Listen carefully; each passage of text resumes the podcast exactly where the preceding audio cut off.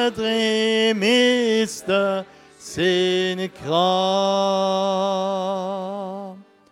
Så takker vi deg, Herre, for vi kan vende tilbake og gi deg ære og takk for et fullkomment verk som vi får hvile på.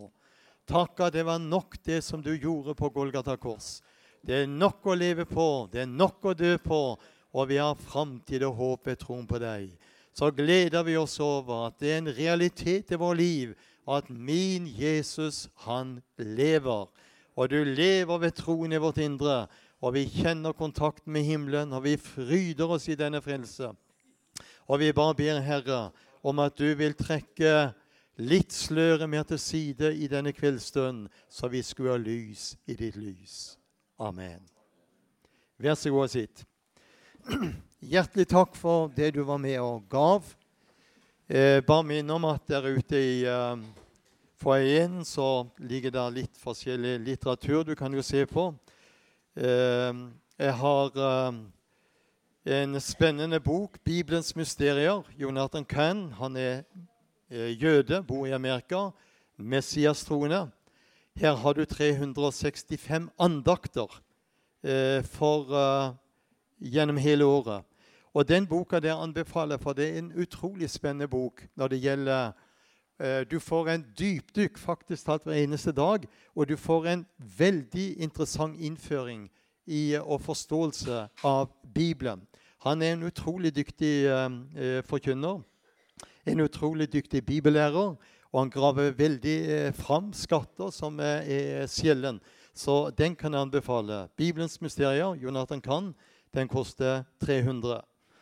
Eh, en annen kar som eh, vi er blitt kjent med, Bjørn Hildrum, han er eh, psykiater av utdannelse. Han, har, han er vel rundt på min alder, førtidspensjonert seg og engasjerer seg veldig mye når det gjelder Israels land etter internasjonal lov. Og Er du interessert i når det gjelder den første utgaven, den er utsolgt, og så har han utvida den andre utgaven. Og vil du ha greie på når det gjelder mange av disse resolusjonene og mye av det som FN vedtar, og hvordan Norge også oppfører seg, Eh, så vil du få hakeslepp når det gjelder, gjelder den boka. Den er meget vel dokumentert. Den koster egentlig 350, men du får den for 300. Og så er det litt spennende bibler der ute. Jeg har en studiebibel med eh, Bibelens arkeologi også. Den eh, får du for 700 med den boka ved siden av. Ellers så får du se om det er noe som eh, faller i eh, smak, og du vil gjøre det bruk av.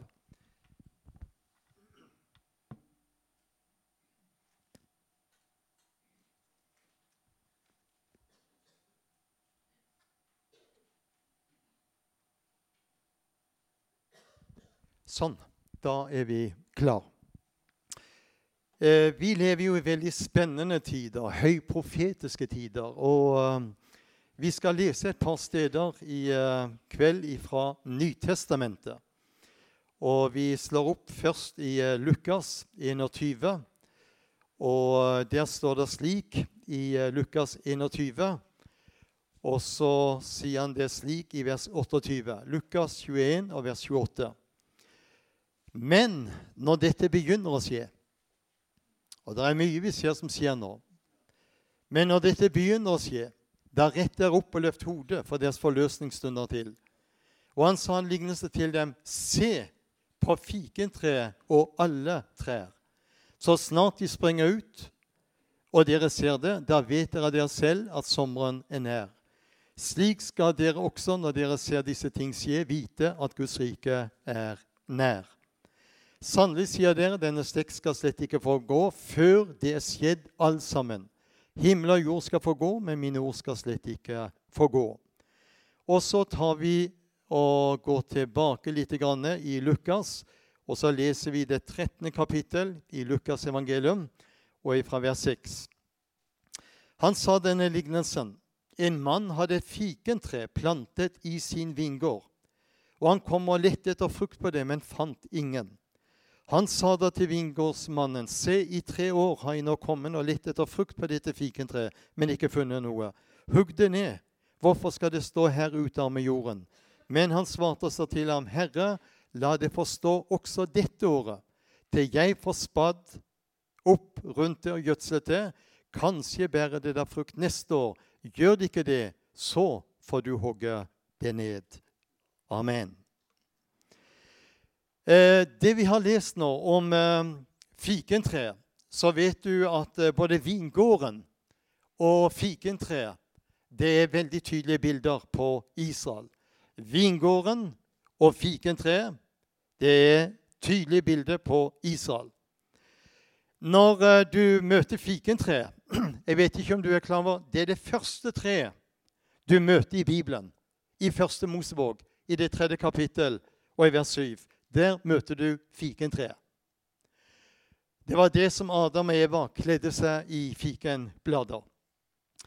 Eh, du kjenner til hvordan den første Adam der i Edens hage han kommer så etter blader, fikenblader, som han og Eva kunne skjule seg bak.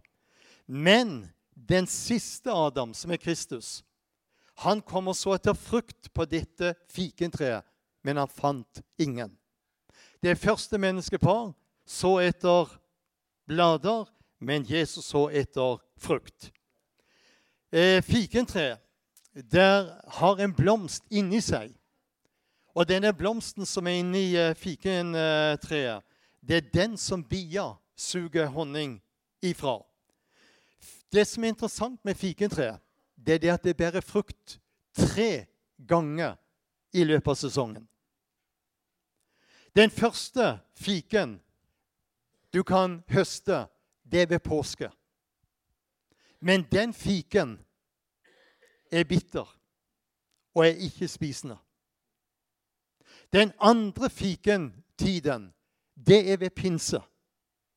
Den kan du spise, men den smaker ikke godt.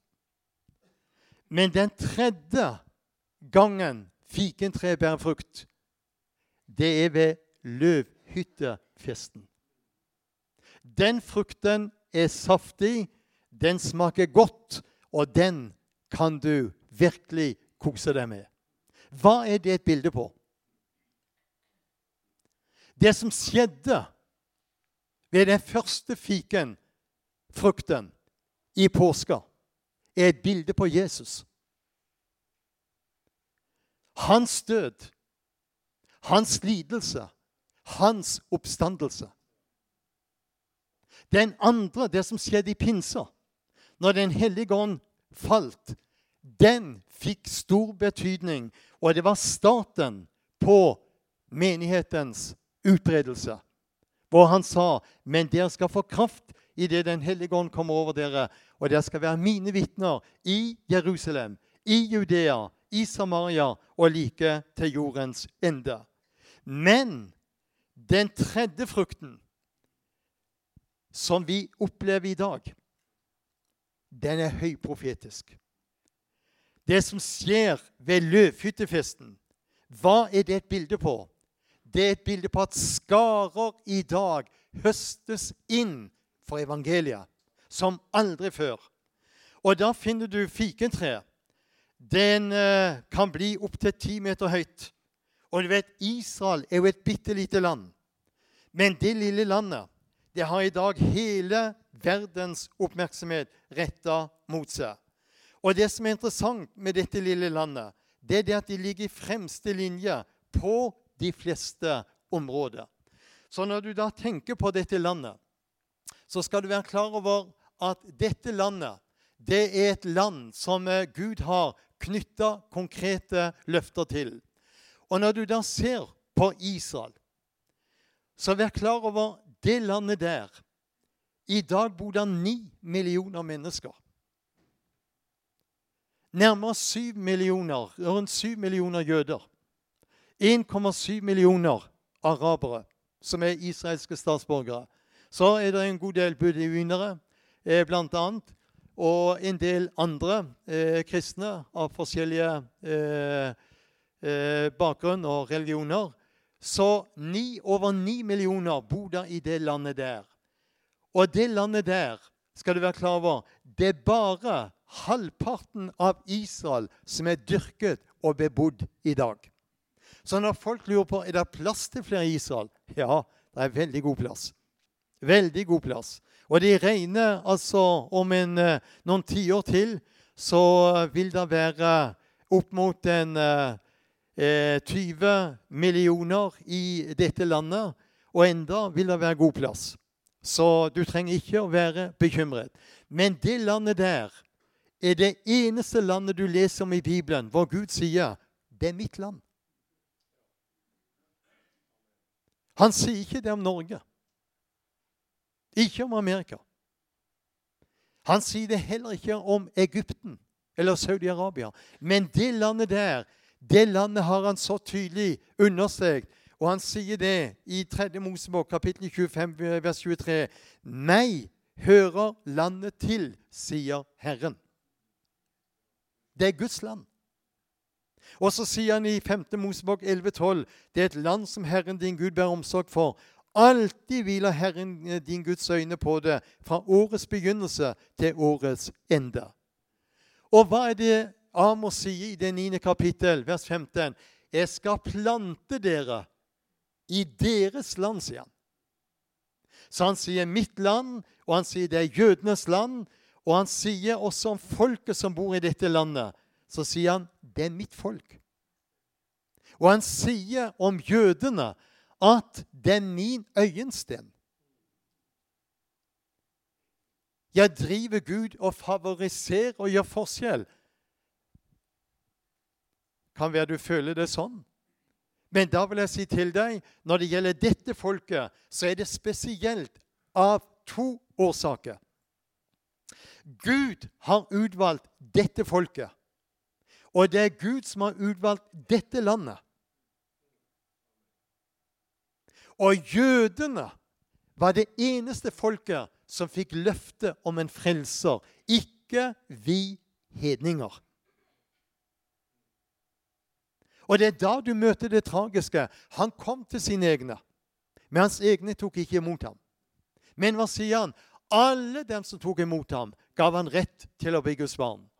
Så det tragiske var det at Jesus kom til dette landet. Han ble født her i Betlehem. Han vokste opp i Nasaret.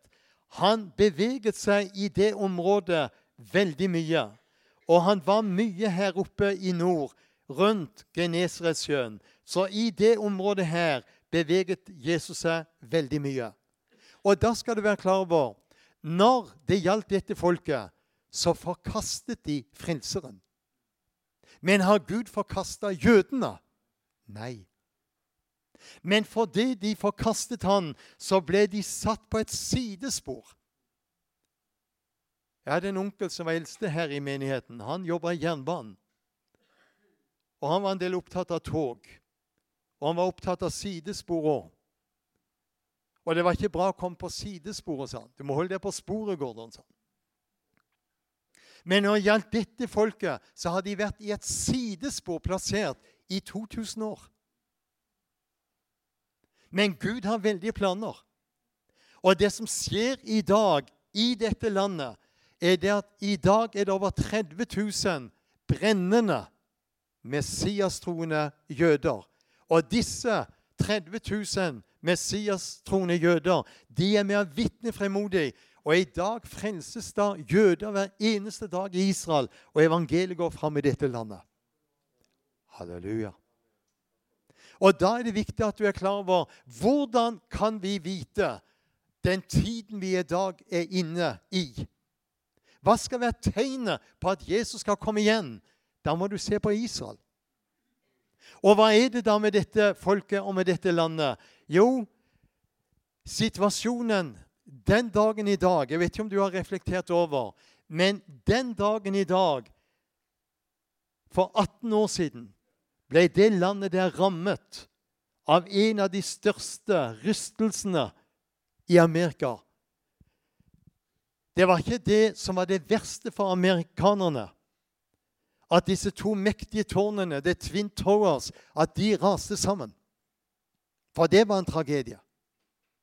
Men det verste for Amerika, vet du hva det var for 18 år siden? Det var det at det var et av disse passasjerflyene som klarte å kjøre inn i forsvarshovedkvarteret i Pentagon. Det skulle aldri kunne ha gått. For som de sa, vi har jo utskytningsraketter som skulle ta. Ingenting fungerte. Det var det som rystet denne nasjonen. Hvor sårbar de egentlig var. Og etter det som skjedde for 18 år siden, så var det ca. et år i Amerika hvor det var en bevegelse. Jeg har en politimann som jobba i New York. Han sa der lå noe over hele mange av statene i Amerika. I New York, sa han, så ba jeg til Gud med mange på gata. Folk var sønderknust når de så ruinene og det store gravet, eh, store hullet som ble der etter The Twin Towers. Og folk sto der uke etter uke, måned etter måned, og tårene rant når de tenkte på de nærmere 3000 som fikk sin død når disse to veldige kolossene raste sammen. Og vet du hvordan disse to kolossene, The Twin Towers, det var der det mesteparten av finansverden holdt til. Så Amerika ble rysta når det gjaldt økonomi, finans, og så ble de rysta når det gjaldt forsvarshovedkvarteret. Så det var en utrolig dag, og den sjokkerte hele verden. Og det Vi eh, følte jo med i Norge, men det som skjedde, var det at TV 2 de viste ifra Gaza hvordan de jubla. De viste fra Øst-Jerusalem. Araberne de jubla. De viste fra noen av de arabiske landene. De jublet over Tenk at så mange amerikanere hadde blitt drept. Det var bare én gang TV 2 viste det, og så ble det helt slutt. Vi skal være klar over det foregår i dag en utrolig åndskamp, og det står om verdier. Nå har vi hatt valg. Og vi ser det som skjer i dag i vårt eget land eh, når det gjelder hvilken vindretning eh, den har. Og vi ser også det etiske og moralske forfallet. Da vil jeg si til deg og meg Når vi ser hva Israel har å kjempe med, hva Israel står i, hvilken kamp dette landet står i. Så vær klar over i går raste rakettene ifra Gaza inn i Israel. Ifra Hizbollah der oppe i Libanon eh, skyter de nå raketter inn eh, i, eh, i Israel. Israel er presset på en måte som verden ikke kan forstå. Og hvem er det som står bak alt dette? Jo, de som står bak alt dette, det er det landet der, Iran. De står bak alt dette som gjelder å pøse på med hjelp både til Gaza og til Libanon med Hizbollah. Så det er en utrolig åndskamp som utspiller seg. Men hør, det vi er vitne til i dag, bør være med og våkne deg og meg for at vi forstår hvor vi er henne i endetidsbildet. Vet du hva? Jeg tror Jesus kommer snart igjen. Ut ifra hvordan vi ser de profetiske tegn, hvor tydelige de er. Fikentre det er veldig hardført. Og når det gjelder jødene, så vet du alt hva de har gått igjennom av lidelser og prøvelser og vanskeligheter. Enda til alt det de har gått igjennom, så eksisterer de i dag. Vet du hva? Det er et under. Hvorfor er ikke jødene blitt borte? Det er en udødelig som står bak dette folket. Ellers har de aldri eksistert. Og det er en gåte, en hemmelighet for de fleste i dag, hvordan dette folket har overlevd så mye og gått igjennom så mye lidelser. Det går ikke an å forklare på noen annen måte. Det er Gud som har står bak dette folket. Da vil jeg si til deg Det som er tragisk i dag, det er det at vi ser i dag en deling i Guds menighet. Alle menigheter, alle kirkesamfunn så kan du liksom trekke en strek midt igjennom. De som er for Israel, og de som er imot Israel. Jeg skjønner veldig godt at verden er negativ pga. all den media eh, propagandaen mot dette, dette, landet. Så jeg skjønner godt ufrelste som ikke kjenner Bibelen eller noen ting. Men hadde jeg ikke vært frelst Allikevel vil jeg støtte dette landet ut ifra det er det eneste levende demokratiet med 22 arabiske diktaturstater omkring seg. Og disse 22 arabiske diktaturstatene, sammen med 57 til sammen 57 arabiske og muslimske land, har på sin agenda dette landet skal bort. Men hør, de vil aldri lykkes, for jødene skulle to ganger ut av landet. Først når de ble ført til Babel. Der skulle de være 70 år. Gud sa ikke 65 eller 71, han sa 70. Og da var det en konge. Og denne kongen heter Kyros. Han var en veldig vanskelig konge, en tøff konge, en hard konge. Og hva skjedde med denne kong Kyros i Babel? Plutselig, når det 70. året var omme, så går denne kongen fram og så sier han, dere, sier han til jødene, som vil, vær så god, dere kan reise hjem. Og så var det en rest som pakka kofferten og dro tilbake. Hva skjedde da? Da tok de ned harpen av veggen, og så begynte de å synge, står det, om Sions livlige sanger. De skulle tilbake til landet. Andre gangen som Jesus talte om, da sto Jesus der oppe på Oljeberget. Han kikket da utover denne byen. Og når han ser utover denne byen, så gråter han. Og så sier han, 'Hvor gjerne jeg ville samle dere.' Like en høne samler sine kyllinger under sine vinger, men dere vil ikke. Og så sier Jesus, 'Dere skal spredes'. Det skjedde år 70 etter Kristus. Og husk på det, jødene har vært ute i diasporaen i tett på 2000 år. Allikevel har de klart å bevare sin identitet. Det er et under. Og vet du hva? I dag, når du kommer til Israel, så skal du være klar over dette folket er et folk som er veldig intelligent. De er kunnskapsrike, storparten av dem. Og dette, hovedtyngden av jødene, de snakker fem og seks språk flytende. Og når de har vært utspredt I dag er det vendt jøder tilbake fra over 130 nasjoner i verden. Og tenk på jødene er vel forberedt på å bli det store misjonsfolket som skal bringe evangeliet ut i forbindelse med rikets tid, tusenårsriket. Så vi ser når det gjelder dette folket, så vet du når du ser på fikentreet, så er den glatt og mørk, denne barken på, på utsida. Men eh, grenene de kan bre seg vidt utover og bringe skygge. Og vi vet at dette treet, fikentreet, det trives utrolig godt på steingrunn. Og du kan høste fiken, som jeg sa, i tre ganger.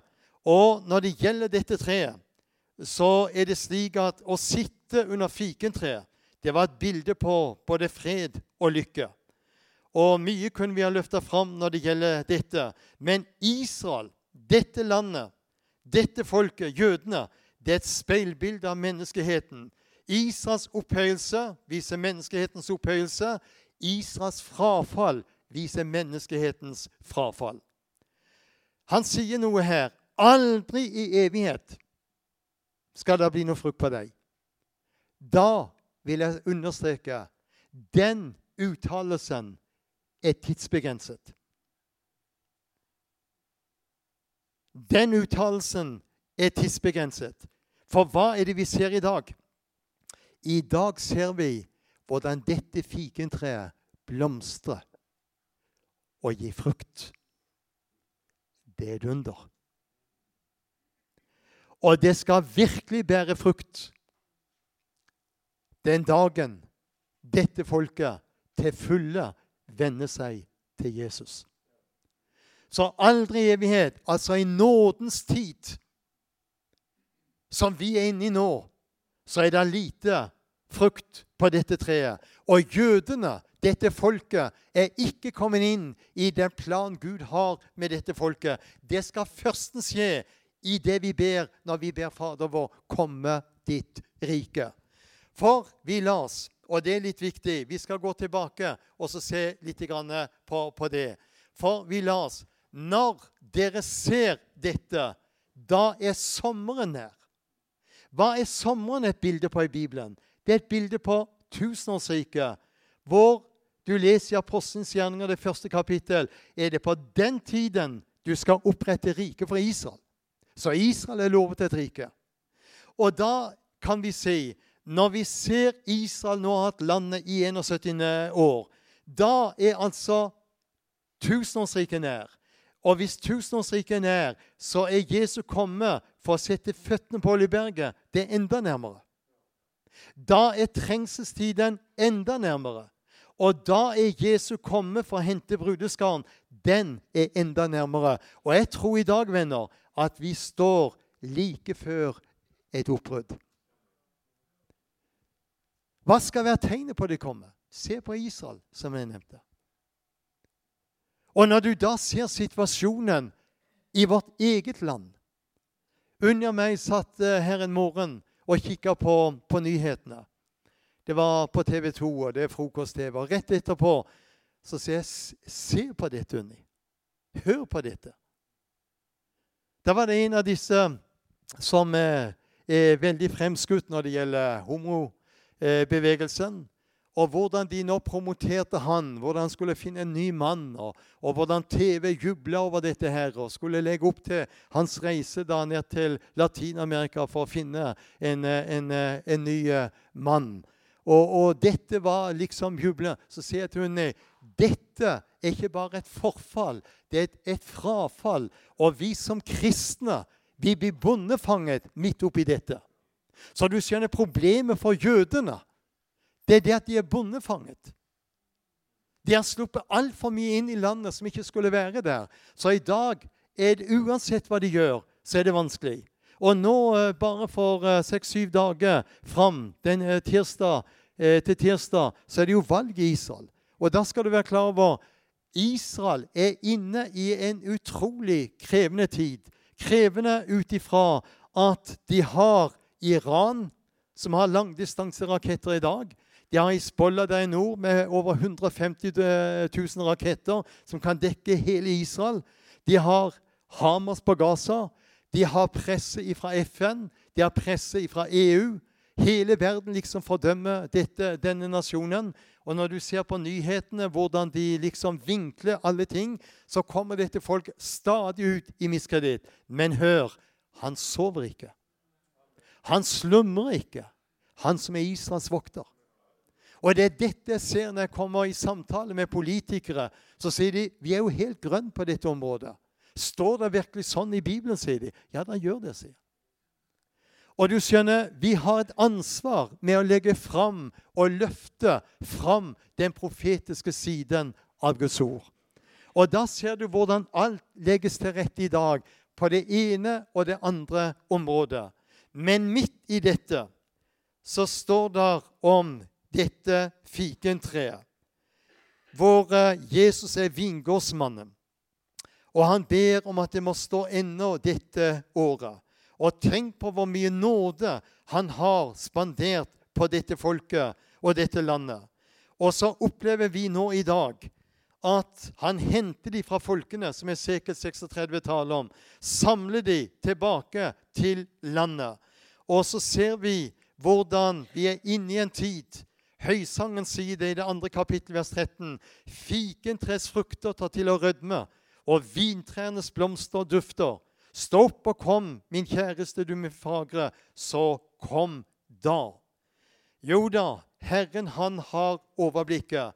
Og da vil jeg understreke for deg Når vi da ser på det vi beskriver de siste dager og endens tid er det mange som sier ja, vi lever i endetiden. Nei, vi lever i avslutningen av de siste dager. Endens tid den begynner når brudeskaren er borte. Da går vi inn i en trengselstid. Og da vil vi oppleve en utrolig tid av, av lidelse og prøvelse over hele verden. Og i slutten av den tiden der er det Jesus kommer med de hellige og setter føttene på berget. Det tragiske er jo det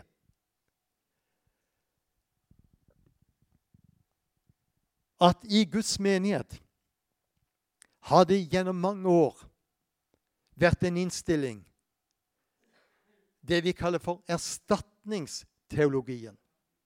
Og erstatningsteologien den sier det alle løfter som gjelder Israel, det er ferdig. Alt er overført til kirken og til menigheten. De som sier det, de sier direkte at Gud lyver. Er du klar over det? Å gå rundt og se at Gud lyver, det må jo være alvorlig. Og snakker du med troende jøder, altså tro, jøder som er kommet til tro på Jesus som sin Messias, så sier de Én ting er vi iallfall sikre på, og det er at Gud står bak sine løfter både til folket vårt, til landet vårt og til byen Jerusalem. Og Når vi da ser det presset som er i dag på Jerusalem, så skal du være klar over alt dette forteller oss i kveld. Se på fikentreet. Se det modnes. Forstå tiden og legg det inn over det.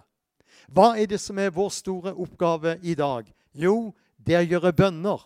Det er å gjøre forbønner. Det er å løfte fram og be om nåde over landet vårt og over folket vårt. For når du da ser på dette folket og dette landet, så vær klar over det folket der, spredt i 2000 år Hva har de vært? De har vært som får uten hyrde. I 2000 år. Så kommer de tilbake til landet. Og hva er det første de gjør når de kommer tilbake til landet for over 110-20-30 år siden, når de begynte å vende tilbake? Dette var akademikere. Dette var økonomer. Det første de gjør når de kommer tilbake, de begynner å grave i sanden. Hva var det de opplevde her på denne sida? Sump og malaria. Hva var det de opplevde her oppe i nord? Sump og malaria. Hva har de gjort med dette landet? De har dyrka her oppe i nord til at det er blitt som en, et av de mest fruktbarste områdene. Og er du klar over det? At det er 500 millioner trekkfull som har flydd rett over dette landet. De siste ti årene så stopper de her oppe i nord, for det blir så fruktbart, og så spiser de før de flyr videre her opp til, det, til, til Europa og Skandinavia. Det har skjedd bare i løpet av de siste syv, åtte, ni, ti årene. Det landet her er altså dyrket opp. Og når du kommer ned gjennom ørkenen her, så vær klar over Israel er det eneste landet som får drive ørken. Og når jeg møter mennesker som sier at jødene kan jeg ikke fordra, så skjønner jeg at de har hørt på bare én side i media. Og jeg hadde jo litt moro, for der sto en med en ny mobiltelefon. og Det var Motorola. Han sto og holdt på den, og knogene var helt eh, hvite. Han var så rasende både på det folket og hele landet. Skulle vært jevna med jorda. Så sa jeg det første du bør gjøre nå, sa gi meg mobiltelefonen din. Så hiver jeg den rett ut i Glomma. Er du gal, sa han. Vet du hva den koster? 10 000. Ja, men den er laget i Israel, sa Er han det, sa han? Ja, han er det. Så sier han du skjønner, jeg er ikke helt i form som menneske. Så dro han opp ei pilleske. Jeg er helt avhengig av de. Jeg vet jo hvor de er laget hen. seg. De er laget i Israel. Er de òg laget i Israel? Ja, så jeg kunne ha nevnt masse. Og så ga han en liten sånn eh, ti minutters eh, fortleksjon. Så sa han det Jeg har jo helt misoppfatta alt. Står vi, Er dette folket så fantastisk som det du sier? Ja, de, de er nok disse. Hele verden er i dag avhengig av dette folket. Så hvis det folket hadde sagt det er greit til Norge, nå boikotter vi Norge Sykehusene ville ha et problem. Militæret ville ha fått problem. De fleste som har datamaskiner, har en prosessor som heter Intel, som er laget i Israel, som de er helt avhengig av i de fleste datamaskinene. Så når SV kommer med sitt boikott, og, og, Rødt, som eh, har gått i front nå for å, å, å, ha det på sin agenda at uh, i uh, bystyret omkring hvor Rødt sitter, så skal de fremme forslag om å boikotte Israel, så håper de at Rødt vil hive ut alt av både data og litt av hvert. De fortjener ikke å ha noen ting av det, for det er laget i Israel.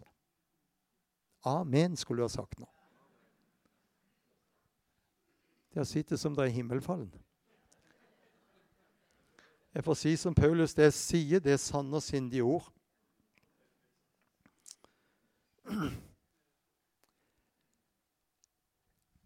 Dette folket Skal vi gå inn for landing? Dette folket har Gud en helt spesiell plan med. For det er dette folket som skal fullføre misjonsoppdraget. Og det er da jeg opplever at i menighetene så kan du trekke et skille for og imot Israel. Og hvis du går hjem og leser Ruths bok det er en veldig interessant bok. Da vil du oppleve at Ruth har ei annen svigerinne som heter Orpa. Du kjenner historien om eh, Elimelek og Naomi, som tar sønnene Malon og Kiljon og så drar fra Betlehem og drar ned til eh, Moabs land. Så stør far og etter en tid så dør begge sønnene. Og så sitter Noomi tilbake med to hedenske svigerdøtre. Der har du et bilde på menigheten. Vi er hedninger. Og så bestemmer Noomi seg for hun vil dra tilbake. Så sier hun til Ruth og Noomi dere får bli, bli her hos deres. Få dere en ny mann og gift dere og få avkom. Nei, sier de. Vi blir med deg. Og hva skjer? De drar av gårde. Og så mens de går, så holder Nomi stadig på og sier til Ruth Orpa gå tilbake. En dag så stopper Orpa opp, og så kikker hun på svigermor si. Så sier hun det er greit. Jeg går tilbake. Hun omfavner sin svigermor, kysser henne, gråter noen skritt og hva gjør Orpa? Hun snur ryggen til, og så drar hun tilbake. Orpa betyr bakside. Så finner du Ruth står der igjen med sin svigermor. Og så sier Noomi til henne, 'Dra du også tilbake. Slå følge med svigerinna di, og så får dere en mann nå. opprette avkom.' 'Jeg kan ikke opprette noe avkom.' Så kikker Ruth på svigermor si, og så sier hun Ditt folk Nei, hun sier din Gud er min Gud. Hele kristenheten er enig i det at jødenes Gud, det er også vår Gud. Og så sier Ruth noe, og der har du skillet. Ditt folk, sier hun, det er mitt folk. Der har du skille i dag i Guds menighet. Er du klar over det? Der går skillet. Så når biskop Nordhaug der oppe på Vestlandet ble intervjua i fjor høst i forbindelse med det har vært uroligheter på, på Gaza, så ble han, Det var Lørdagsrevyen. Jeg satt og så på det. Så sier han som intervjuer han på Lørdagsrevyen, 'Nordhaug, hvordan er kirkas forhold til Israel?' Da sier Nordhaug, det er mange år siden at kirka var ferdig med Israel. Hva gjorde biskopen da? Han hugget av den greina han satt på. Rødt og Orpa er et bilde på kristenheten i Norge. Storparten av kristenheten har gjort som Orpa. De har snudd ryggen til dette folket. Og jeg opplever igjen og igjen når jeg reiser rundt, så møter jeg mennesker som sier Jesus er begeistra for, men jødene kan jeg ikke fordra. Så sier jeg da trenger du å omvende deg. For det går ikke an at du er glad i Jesus, for han er jøde. Så han som sitter ved Faderens høyre hånd i dag og taler din og min sak, han er jøde. Og frelsen og frelseren kommer ifra jødene. Amen. Men til slutt Vi kommer til å se i tiden som ligger foran Åndskampen vil bare bli mer og mer intensiv mot dette folket, mot dette landet og mot byen Jerusalem. Dette merker jeg, for jeg reiser så mye som jeg gjør, inn i alle båtlag. Og jeg ser presset i dag. Men jeg ser samtidig, når jeg reiser sånn som jeg gjør, så er Ordet av Israel sine møter det er fellesmøter. Der kommer folk fra alle båtlag, og så blir det fellesmøter. For midt i Guds menighet i dag så er det en stor flokk som har forstått at våre røtter de er jødiske. Vi står i gjeld til dette folket. Så når vi ser utviklingen i dag i Midtøsten, så bør du være klar over vi nærmer oss en avslutning. Og da vil jeg bare avslutte med Vet du hva? Det skjer mye spennende i dag blant arabiske, de arabiske nasjoner, men også i Israel. Hva er det som skjer? Jesus åpenbarer seg for arabere. Han åpenbarer seg i drømmer og i syner, og de får se Jesus. Og de tar imot han og omvender seg. Og hva er det vi opplever? Jøder vitner om Jeg har sett Messias. Og dette er noe av det som jeg syns er utrolig spennende å være vitne til. Hva Gud gjør. For du skal være klar over når vi løfter fram det vi gjør, så er det en utrolig åndskamp som utspiller seg i dag i Midtøsten. Et hat mot dette folket. Men hvem er det som kan gjøre noe med dette hatet? Det er Jesus. Og vi må ikke framstille det sånn at Gud han er glad i jødene, men han hater araberne. Han elsker arabere på lik linje med dette folket. Men dette folket fikk være det folket som Frelseren kom ifra. Og dette folket er det vi har Bibelen ifra. Bibelen er en jødisk bok. Så når du setter deg og leser Gamle testamentet eller Nytestamentet, vær klar over det er en jødisk bok. Og hver gang du åpner Bibelen, så burde du sende en takk til dette folket som har gitt oss dette skattkammeret. Amen. Og da vet du hva Efeserbrevet sier. Han, når han døde på Golgata kors, så rev han ned gjerdets skillevegg. Han drepte fiendskapet. Og så kom han og forkynte fred. Halleluja. Herre, vi bare takker deg.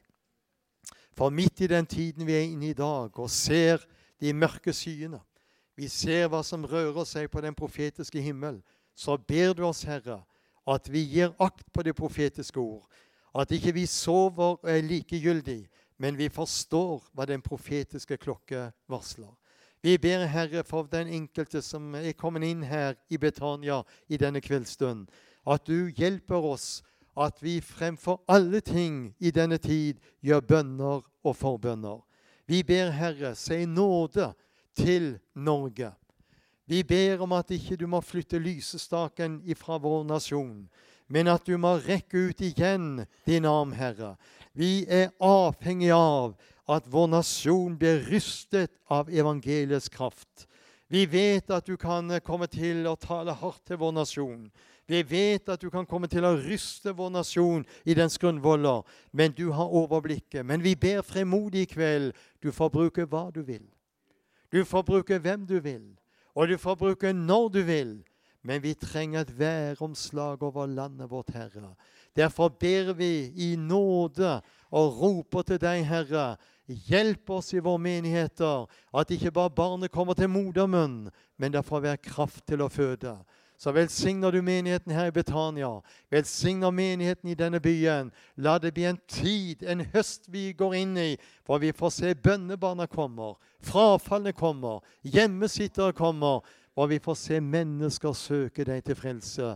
Herre, la vekkelsens ild få tennes igjen i våre hjerter. Amen.